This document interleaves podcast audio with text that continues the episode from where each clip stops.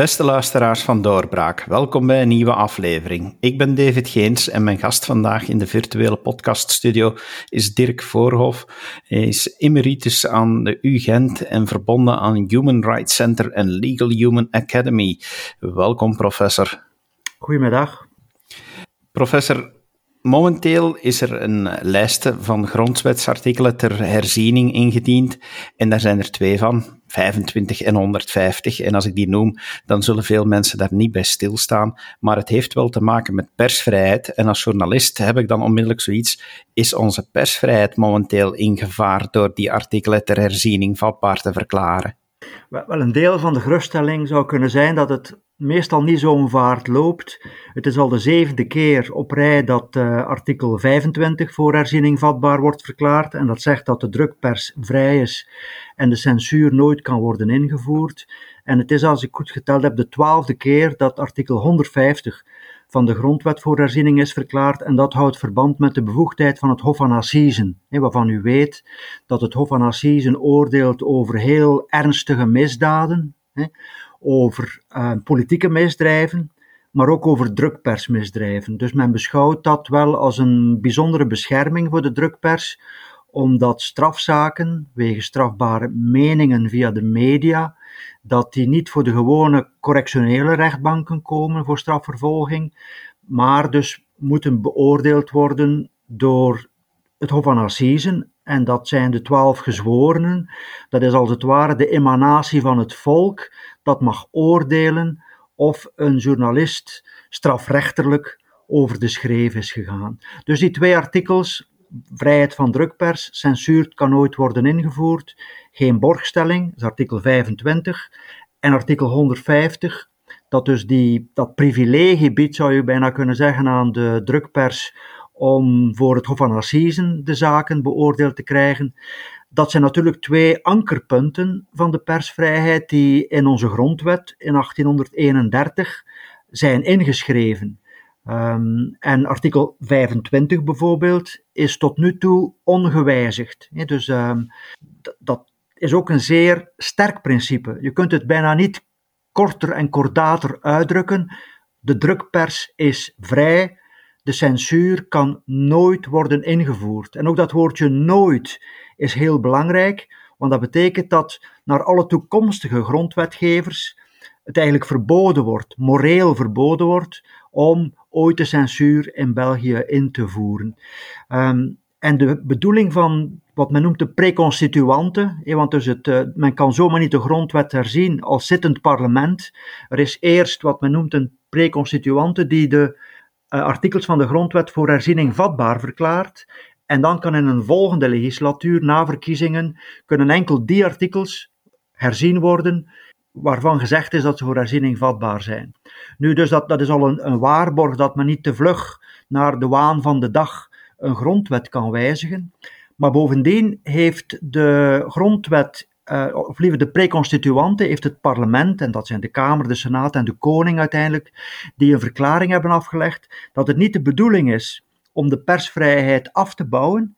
Integendeel, ze hebben gezegd dat het de bedoeling is, met artikel 25 met name, om de bescherming van de drukpers, want zo staat het nog uit die term uit 1831, la liberté de la presse, dat die uh, bescherming moet uitgebreid worden tot alle informatiemedia, informatiemiddelen. Dus in die zin toch een zekere geruststelling in antwoord op uw vraag. Eén, dat vraagt nu een grondig debat in een tweede fase. Bovendien is twee keer een tweederde meerderheid nodig, dus er moet een, groot politiek draagvlak zijn om een grondwet te kunnen herzien. En zeker wat artikel 25 betreft, is dus de boodschap van de preconstituanten eerder een uitbreiding van de persvrijheid naar alle media dan, um, dan een inperking ervan. Die uitbreiding die gaat dan inderdaad wel heel breed, als ik het nu begrepen heb. Want de bedoeling is om inderdaad alle media te gaan gebruiken. Maar is, is dan de term media duidelijk genoeg afgeleid om te weten wie beschermd is en wie niet? Is dan iedereen die zomaar iets schrijft op zijn blog uh, ook beschermd daardoor? De bescherming in artikel 25 zegt dat je beschermd bent tegen censuur. Hm? Tegen preventieve overheidstussenkomst. En dat is eigenlijk een recht dat voor iedereen geldt, want er is ook een artikel nog in de grondwet dat niet voor herziening vatbaar is verklaard. Dat is artikel 19 van de grondwet en dat zegt dat ieder vrijheid heeft van meningsuiting en dat alleen achteraf kan worden opgetreden, repressief, dus maar niet preventief. Dus eigenlijk artikel 25 bevestigt dat nog eens, dat er geen censuur kan zijn, dat de drukpers en dus de media vrij zijn. En dat is eigenlijk een soort bevestiging van het principe dat een ieder recht heeft op vrijheid van meningsuiting. En men heeft dit nog een keer extra willen beklemtonen voor wat uh, de media betreft. Nu is dat voldoende afgeleid, dat begrip media. Um, dat is inderdaad een zeer ruim begrip. Maar eigenlijk stellen we vast dat in elk geval het begrip drukpers veel te eng is. Hm? Uh, het, het gaat al lang niet meer enkel om artikels die in de drukpers, in de dagelijkse pers of in de magazines of in boeken worden gepubliceerd. Er is al radio en televisie bijgekomen en nu internetteksten. En trouwens heeft de Belgische rechtspraak tot op zekere hoogte daar ook al gevolg aan gegeven. Dus er is rechtspraak dat zegt dat onder het begrip drukpers dat daar ook moet ondervallen teksten op internet. Ja, want het zou toch ondenkbaar zijn dat alleen maar teksten in de krant op het papier gedrukt zouden artikel 25 bescherming genieten en dezelfde journalistieke teksten online van dezelfde krant niet diezelfde grondwettelijke waarborgen zouden hebben. Dus om dit eigenlijk duidelijk te maken, dus de rechtspraak is wel al geëvolueerd in een ruimere interpretatie, maar er zitten nog wat haken en ogen, nog wat losse eindjes aan die rechtspraak. En daarom denk ik is het een goed idee van het parlement om meteen dat zo ruim mogelijk te formuleren, zoals het ook in 1831 toen bijna alle media betrof, de drukpers. Zo zal nu ook um, het verbod van censuur en het principe van de vrijheid uh, gelden voor, voor alle media. Wat dus duidelijk niet betekent dat die vrijheid ongelimiteerd is. Dat betekent dat men binnen het systeem zit van artikel 19, artikel 25, dat het principe is van de vrijheid, geen preventieve censuur, maar achteraf kan men wel als individu, als medium, als journalist voor zijn verantwoordelijkheid worden geplaatst indien men iets strafbaar heeft gedaan of iets onrechtmatig, waardoor men schade heeft berokkend aan anderen. En dan kan men achteraf, na beoordeling in een rechtsprocedure, veroordeeld worden, ofwel tot een uh, sanctie strafrechtelijk of tot een civielrechterlijke, burgerrechterlijke schadevergoeding bijvoorbeeld, die men dan moet betalen aan de persoon wiens eer en goede naam of wiens privacy men niet in voldoende gerespecteerd heeft. En daar is heel wat rechtspraak over de laatste 20, 30 jaar. Er zijn er zeer vele vonnissen en arresten waarin journalisten, auteurs, uh, personen die in het openbaar een bepaalde mening hebben verdedigd, uh, veroordeeld zijn omdat die niet voldeed aan een aantal wettelijke bepalingen en niet beschermd was door het principe van de grondwettelijke vrijheid. Wat mij opvalt is dat er blijkbaar nog een beetje discussie bestaat of dat men nu gaat schrijven de media of de informatiemedia. Precies, hè, daar is nog wat discussie over, omdat de preconstituanten, het vorige parlement en de koning gezegd hebben, we willen dat uitbreiden tot alle informatiemedia. Maar dan ontstaat de discussie natuurlijk, als men dat in de grondwet zou inschrijven, dan creëer je een nieuw onderscheid. Hm? Namelijk tussen informatiemedia, die dan grondwettelijk beschermd zijn, en dan eventueel andere media die niet als informatiemedia zouden te beschouwen zijn. En ik denk dat men wil vermijden om dit moeilijke en nieuwe onderscheid, zoals het onderscheid tussen drukpers en andere media, zou worden weggenomen. Zou men nu een nieuw onderscheid gaan invoeren um, in de categorieën van media, informatiemedia, niet-informatiemedia. Ik denk dat dat een een niet aan te bevelen onderscheid is, omdat het in de praktijk eerst en vooral zeer moeilijk is voor rechters dan om dat onderscheid te maken, maar ook omdat je misschien in bepaalde entertainment media zeer interessante artikels kunt hebben die een opinie uitdrukken, die bescherming, de volle grondwettelijke bescherming verdient, en dat je misschien in informatiemedia um, bepaalde uh, bijdragen kunt hebben die um, op geen enkele manier met enig maatschappelijk belang te maken hebben en een persoonlijke afrekening met iemand zijn, een heel individuele discussie die misschien niet op dezelfde grondwettelijke waarborgen moet kunnen rekenen. Dus dat zou een heel moeilijke discussie zijn. Dus um, ik denk ook dat het aanbeveling verdient om de term media te gebruiken, te meer ook omdat andere internationale grondrechtteksten ook het woord media gebruiken om één voorbeeld te geven. Je weet dat we een charter hebben van Europese grondrechten. Wel, daarin staat een artikel 11 dat betrekking heeft op de vrijheid van meningsuiting, de expressievrijheid, maar ook zegt dat de media vrij zijn. Dus ik denk als men op het vlak van de EU, op het niveau van de EU in zaken grondrechten, ook de mediavrijheid proclameert, dat het uh, in de lijn van een uh, juridische argumentatie kan liggen om ook in de Belgische grondwet op een analoge manier het principe van de vrijheid van de media plechtig, want grondrechtelijk, in ons rechtssysteem te verankeren.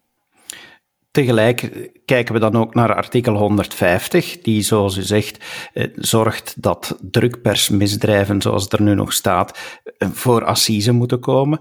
Maar dat is dan iets wat men wil veranderen om bepaalde zaken anders te gaan aanpakken in rechtbanken, als ik het goed begrijp.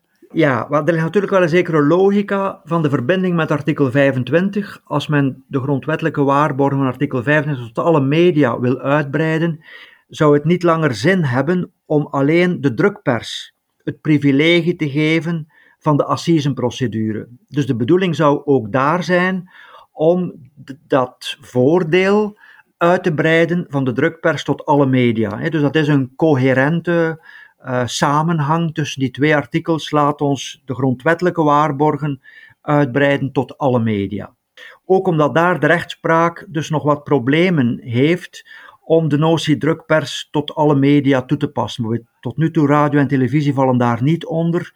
Ook beelden, afbeeldingen, video's op uh, internet zijn tot nu toe uitgezonderd van de bevoegdheid van het Assisenhof, wat, wat zeer problematisch is. Hè. Bijvoorbeeld, om één voorbeeld te geven, een tekst op internet uh, die een strafbare uiting is, dat zou naar het Assisenhof moeten, maar als dat diezelfde tekst uitgesproken wordt in een podcast bijvoorbeeld, dan zou dat effectief correctioneel kunnen vervolgd worden. Dus er is een beetje een eigenaardige uitsplitsing van de grondrechten. Of om nog een ander voorbeeld te geven, iemand die in een video bijvoorbeeld aanzet tot haat tegen andersgelovigen, tegen katholieken of tegen moslims, en dat doet in een video, dan is dat geen drukpersmisdrijf en die persoon kan effectief strafrechtelijk vervolgd worden, zoals gebeurd is met de leider van Sharia voor Belgium, Faoud Belgassem.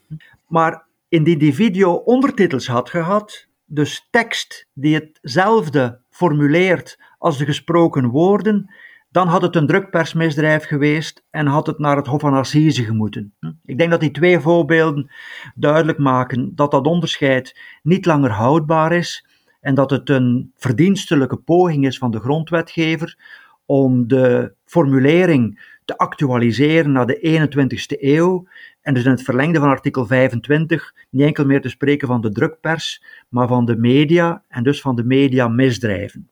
Maar dat is, dat is één luik van het opzet van de grondwetgever. Het andere opzet uh, is, en dat blijkt nu ook uit de, uit de, wetsvoor, uit de ja, voorstellen die komen tot herziening van de grondwet, dat men zegt, ja, maar als we dan zo'n ruime categorie van mediamisdrijven voor het Hof van Assise willen brengen, creëren we een nieuwe problematiek. En wat is die problematiek? Wel, ten eerste, al gedurende ongeveer 70 jaar brengen we geen drukpersmisdrijven meer voor het Hof van Assise. Dus gaan we dat nu wel doen met mediamisdrijven of niet? Dat, dat creëert een probleem. En ten tweede, als die mediamisdrijven dan onbestraft blijven, want niet naar het Hof van Assise gaan, dan hebben we een ander probleem, omdat heel wat um, uitingen die nu via sociale media circuleren, ofwel in video's of in teksten, en die aanzetten tot haat, geweld of discriminatie, of die ingegeven zijn door racisme, vreemdelingenhaat of seksisme, dat die nu dreigen mee in, het, in de bescherming te komen van de mediamisdrijven en dus effectief niet echt vervolgd worden, omdat die zaken niet aan het Assisenhof worden voorgelegd. Dus men wil deze categorie van mediamisdrijven, zal het dan zijn, in aanmerking laten komen voor effectieve strafvervolging voor de correctionele rechtbanken. En daarom wil men dus een, een deel van de bevoegdheid van het Assisenhof wegnemen in zaken mediamisdrijven, door mediamisdrijven die ingegeven zijn door racisme, xenofobie, seksisme of ingegeven door racisme, uh, sorry, ingegeven zijn door uh, die aanzetten tot haat, discriminatie of geweld jegens personen of groepen. Het is een beetje een moeilijke formulering. Om, als dat gebeurt, dit te kunnen laten beoordelen effectief door de correctionele rechtbanken. En helemaal nieuw is dat idee niet, want al twintig jaar geleden is, de is het grondwetsartikel 150 aangepast om strafbare uitingen die ingegeven zijn door racisme en vreemdelingenhaat in aanmerking te laten komen voor vervolging van de correctionele rechtbank. Dus toen, al twintig jaar geleden, heeft men die eerste categorie van, laten we zeggen, racistische, xenofobe um, drukpersmisdrijven reeds ontrokken aan het Hof van Assisen en laten beoordelen door de correctionele rechtbank. En dat moest eigenlijk ook wel, want België werd op de vingers getikt door internationale instanties, omdat we wel wetgeving hadden die racisme en vreemdelingenhaat strafbaar stelt, in uitvoering van internationaal verdragrecht, maar er waren geen vervolgingen omdat we dat soort zaken niet voor het Hof van Assisen brachten.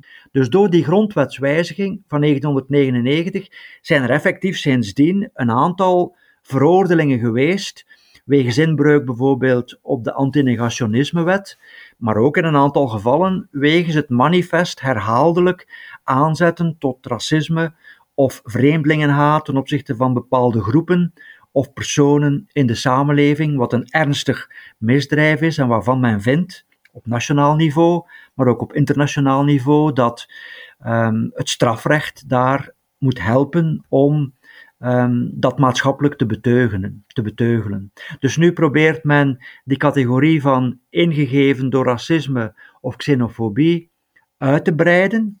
En waarom is dat? Omdat men nu vaststelt dat een aantal andere vormen van hate speech, die niet aanzetten tot racisme of xenofobie, maar die bijvoorbeeld aanzetten tot haat tegen homoseksuelen, tegen moslims of tegen niet-moslims, um, tegen transseksuelen, tegen personen met een bepaalde politieke opvatting. Dat kan nu niet vervolgd worden voor de gewone correctionele rechtbank als dat strafbare uitingen zijn die openbaar worden gemaakt via de media. Door die grondwetsherziening, die nu in het vooruitzicht is gesteld, zou dat in de toekomst wel kunnen. Zoals het al kon voor, laten we zeggen, racistische en xenofobe drukpersmisdrijven. Bestaat daarin dan het gevaar dat, uh, dat men toch iets meer gaat moeten opletten wat men schrijft op het internet? Dat men, uh, ja, ik zeg dan niet zozeer de pers, want ik veronderstel wel dat ook een correctionele rechtbank voorzichtig zal blijven met uh, veroordeling van persmedewerkers, journalisten en zo, maar dat het toch ja, in die zin beter gaat beschermd zijn, beter beschermd gaat worden, de, of dat de maatschappij beter beschermd gaat worden tegen haatspraak door eender wie op het internet. Dat, dat is effectief de bedoeling. Hè? Dat nu wat al strafbaar is, hè, wat we spreken over de antiracismewet van 1981, maar ook de antidiscriminatiewetgeving van 2007 en de antiseksismewet van 2014, dat zijn als strafbare uitingen die in het strafrecht staan, maar die nu door de bevoegdheid van het Hof van Assisen niet effectief vervolgd en bestraft worden. Dus het is inderdaad de bedoeling om in de toekomst dat beter te monitoren en de mogelijkheid te bieden aan de rechtbanken, als het echt gaat om, een, om manifeste vormen van aanzetten tot haat, discriminatie of geweld tegen personen of groepen of seksisme, dat men wel de mogelijkheid heeft om die personen voor de rechtbank te brengen. En dan natuurlijk met alle rechten van de verdediging en met een beroep op de expressievrijheid tot waar die reikt. Ehm, met een onpartijdig rechtscollege te laten beoordelen of men daar inderdaad over de schreef is gegaan en men de maatschappij, maar ook die personen en groepen die slachtoffer kunnen zijn van aanzetten tot geweld of discriminatie, om die ook de bescherming te geven die ze grondrechtelijk ook verdienen en waar de overheid moet voor zorgen dat die ook kunnen beschermd worden. Dus ja, eigenlijk om op uw vraag te antwoorden, men zal wat voorzichtiger moeten zijn, want het, het, het risico op effectieve vervolging bestaat dan indien de grondwet in die zin wordt aangepast. Er zijn politieke partijen die momenteel al moord en brand bijna schreven, omdat ze vinden dat de voorgestelde aanpassingen tegen hen gericht zouden zijn. Gaat dit de, de vrijheid van, van expressie, van mening van politici aan banden gaan leggen ook? Wel, eigenlijk, eh, het antwoord is: er wordt niks nieuws strafbaar gesteld. Het parlement heeft al jaren geleden geoordeeld dat deze vormen van uitingen strafbaar zijn en beteugeld moeten kunnen worden. Trouwens, het is niet enkel het Belgisch parlement, dat is ook internationale wetgeving. Ook, er is ook een Europees um, kaderbesluit dat België verplicht om dit soort zaken strafbaar te stellen. Het enige wat nu gebeurt is dat er een, een lacune, een gejaat en een probleem wordt opgelost, omdat het nu effectief niet strafrechtelijk kan vervolgd en eventueel veroordeeld worden. Dus het is eh, helemaal geen bijkomende beperking op de vrijheid van meningsuiting. Het wordt enkel mogelijk dat wat het parlement heeft gestemd, en ik neem aan dat politici toch wel wensen dat hun wetten ook worden nageleefd. Dus het biedt enkel de mogelijkheid dat effectief de wetten die zijn gestemd meer kans maken om uh, nageleefd en toegepast te worden. In uw mening is er dan eigenlijk geen reden om te twijfelen om die herziening door te voeren van artikel 150? Het zou gewoon de situatie verbeteren en duidelijker maken voor iedereen. Dat denk ik wel. En bovendien is het een verplichting die op de Belgische overheid rust, want er is rechtspraak van het Europees Hof voor de Rechten van de Mens, dat zegt dat de lidstaten de positieve verplichting hebben om de mogelijkheid te bieden van effectieve strafvervolging tegen personen die effectief uh, aanzetten tot um, haat, geweld of discriminatie. De lidstaten zijn dat verplicht om de slachtoffers, individuen of groepen, tegen dat soort hate speech te beschermen.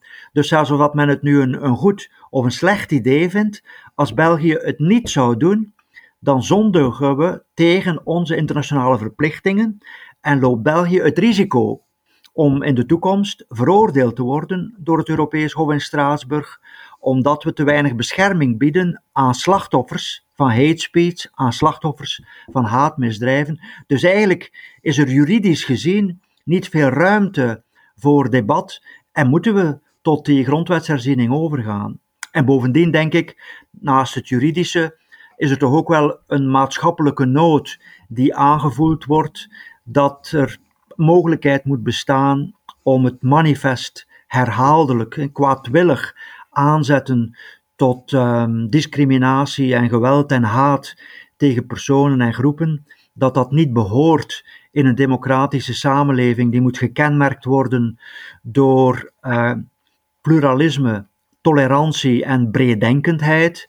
En dat een discours van haat ons eigenlijk niet veel verder brengt in de maatschappelijke ontwikkeling naar meer civilisatie, respect voor elkaar en de basiswaarden in een democratische samenleving. En ik denk dat dit ook deel uitmaakt van het signaal dat men wil geven, ehm, dat men nu misschien te lang de indruk gaf dat dat kan, dat dat onbestraft blijft, maar het heeft te veel negatieve gevolgen wanneer zo'n discours te sterk incijpelt in het maatschappelijk debat en ik denk dat men daar de ergste vormen van aanzetten tot discriminatie of geweld um, wil, um, wil een halt toeroepen en de mogelijkheid bieden, ik zeg het nogmaals, om dat voor een rechtbank te brengen. Dat zijn uiteindelijk de arbiters die beslissen of en in hoeverre en met welke sancties eventueel er kan opgetreden worden tegen het, het, uh, het aanzetten tot geweld of discriminatie of haat tegen personen uh, of, of groepen. En dat hoeft ook niet uit te monden in een gevangenisstraf. Er is ook wetgeving nu die um, de mogelijkheid biedt dat indien men dergelijke feiten vaststelt en een persoon zou worden veroordeeld wegens die strafbare feiten, dat men ook naar andere alternatieve straffen kan zoeken, werkstraffen, uh, bepaalde taakstraffen die men kan laten uitvoeren, het, het meedraaien in een bepaalde stage in een bepaalde omgeving, om die personen te laten inzien dat zo'n hatelijk discours, laat staan het aanzetten tot geweld, hè, wat, wat we echt zien in sommige boodschappen van sociale media, waar aangezet wordt tot, tot verkrachting, tot brandstichting, tot, tot moord tegen bepaalde personen dat is toch iets wat we echt niet kunnen aanvaarden in een democratische samenleving. En het moet duidelijk worden gemaakt, denk ik, aan die personen, dat, uh, dat dit soort discours onbetamelijk is in een democratie en te veel gevaar oplevert en angst ook um, teweeg brengt voor de slachtoffers, waar men zijn discours op mikt. En, en dat denk ik is in feite de juridische en ook het maatschappelijke draagvlak voor die, uh, voor die herziening. Zoals u zegt, dat hoort niet thuis in een democratie. Onze democratie kent ook gelukkig een uh, goede bescherming van de pers. Persvrijheid is uh, eigenlijk nooit onder uh, druk geweest in ons land. Maar we hebben nu recent dan toch de veroordeling meegemaakt van collega-journalist Aarts. Dat is toch wel een stap die plots raar is als, als je uitgaat van een overheid, van een, van een rechtspraak die journalistiek zou beschermen. Vindt u ook niet? Ja, het is een, het is een bijzonder ongewone uitspraak, omdat we gelukkig in België uh, geen traditie hebben van strafzaken tegen journalisten. Um, we, we, we, vermoeden eerder en we weten dat dit gebeurt in, in andere landen die niet zo'n hoog niveau hebben van persvrijheid. En wij staan juist altijd in de top 10, de top 12 in België in zaken persvrijheid, juist omdat we geen strafzaken hebben tegen journalisten, omdat er in België geen journalisten in de gevangenis zitten wegens hun journalistieke activiteiten, in tegenstelling tot verschillende andere landen um, van, uh, in Europa. Nu, daarom is het zeer uitzonderlijk en doet het wel de wenkbrauwen fronsen waarom nu wel Um, een journalist is veroordeeld tot vier maand gevangenisstraf, weliswaar met uitstel. Um, en dat verdient zeker de nodige aandacht, te meer omdat het een wat bijzondere zaak is. Hè? Want normaal gezien zou je denken, ja, dat soort zaken moet voor het Hof van Assise komen. Wel, hier blijkt nu al, het was een televisieuitzending. Um, en het gaat ook niet om het beoordelen van een strafbare mening van een journalist, maar het is omdat hij heeft meegewerkt, mededader is van misbruik van inzagerecht, wat geleid heeft tot een schending van het geheim van een strafonderzoek in de zogenaamde kasteelmoord. Dus het gaat hier ook wel om iets bijzonders. Heeft de journalist zijn medewerking verleend om um, het inzagerecht van een van de procespartijen te misbruiken, om ofwel ja, het gerechtelijk onderzoek te bemoeilijken, ofwel met de bedoeling en het gevolg om de privacy of de morele integriteit van bepaalde personen te schaden. Dat is eigenlijk de strafrechtelijke norm die hier van toepassing is. En dus de rechtbank in Brugge heeft geoordeeld dat dit het geval was, dat er misbruik is van inzagerecht en dat de journalistieke bedoeling van de VRT um, ehm, allermens duidelijk is. Integendeel, zegt het vonnis, uh, de bedoeling van de reportage in ter zake was om de morele integriteit van de familie van het slachtoffer van de kasteelmoord te schaden. En, en dat is dus een, een opvatting die wat verrassend um, in het vonnis staat te lezen en waaraan dus bovendien een zeer repressieve en dus ongewoon repressieve houding van de rechtbank wordt gekoppeld door uh, vier maand gevangenisstraf aan de VRT-journalist uh, op te leggen. Um, dus ik um, neem aan dat dat vonnis zeker nog wel de nodige controverse, dat daar rond de nodige controverse zal uh, ontstaan en mogelijk, is zeker niet uitgesloten, dat de veroordeelde journalist ook beroep aantekent. Uh, omdat ook al, heb ik begrepen, de VRT heeft laten weten dat het pal achter zijn journalist blijft staan en vindt dat de, dat de VRT daar wel op een verantwoorde manier gebruik heeft gemaakt, geen misbruik, maar gebruik heeft gemaakt van bepaalde geheime stukken uit een strafdossier om een vraag te kunnen stellen die journalistiek volgens de VRT verantwoord was, namelijk de vraag of daarin het dossier van de kosteelmoord uh, toch niet bepaalde pogingen zijn geweest uh, van beïnvloeding van justitie en of het Brugse parket dat niet geprobeerd heeft om die beïnvloeding onder de mat te vegen door bepaalde stukken uit het dossier te verwijderen. Want dat was eigenlijk um, de teneur van de reportage in, in Ter Zaken. Dus ja, absoluut een ongewoon uh, arrest, wat zeker niet de regel is. En waarvan ook niet vaststaat dat het overeind zal blijven indien die zaak later eventueel in een beroepsprocedure of nog later voor het Europees Hof um, voor de rechten van de mens in Straatsburg een, een ultieme toetsing zou moeten krijgen. We zijn benieuwd naar wat het nog gaat brengen. Professor, dank u wel dat u tijd hebt vrijgemaakt voor onze podcast. Uh, hopelijk uh, was dit juridisch allemaal in orde en lopen we geen van beide een risico. Dank u wel voor uw tijd. Graag gedaan. En u, beste luisteraar, ook bedankt voor uw tijd en graag tot de volgende keer. Dag. Dit was een episode van Doorbraak Radio, de podcast van doorbraak.be. Volg onze podcast op doorbraak.be/slash radio of via Apple Podcasts, Overcast of Spotify. Bezoek ook onze website op doorbraak.be en steun ons door een vriend te worden van Doorbraak.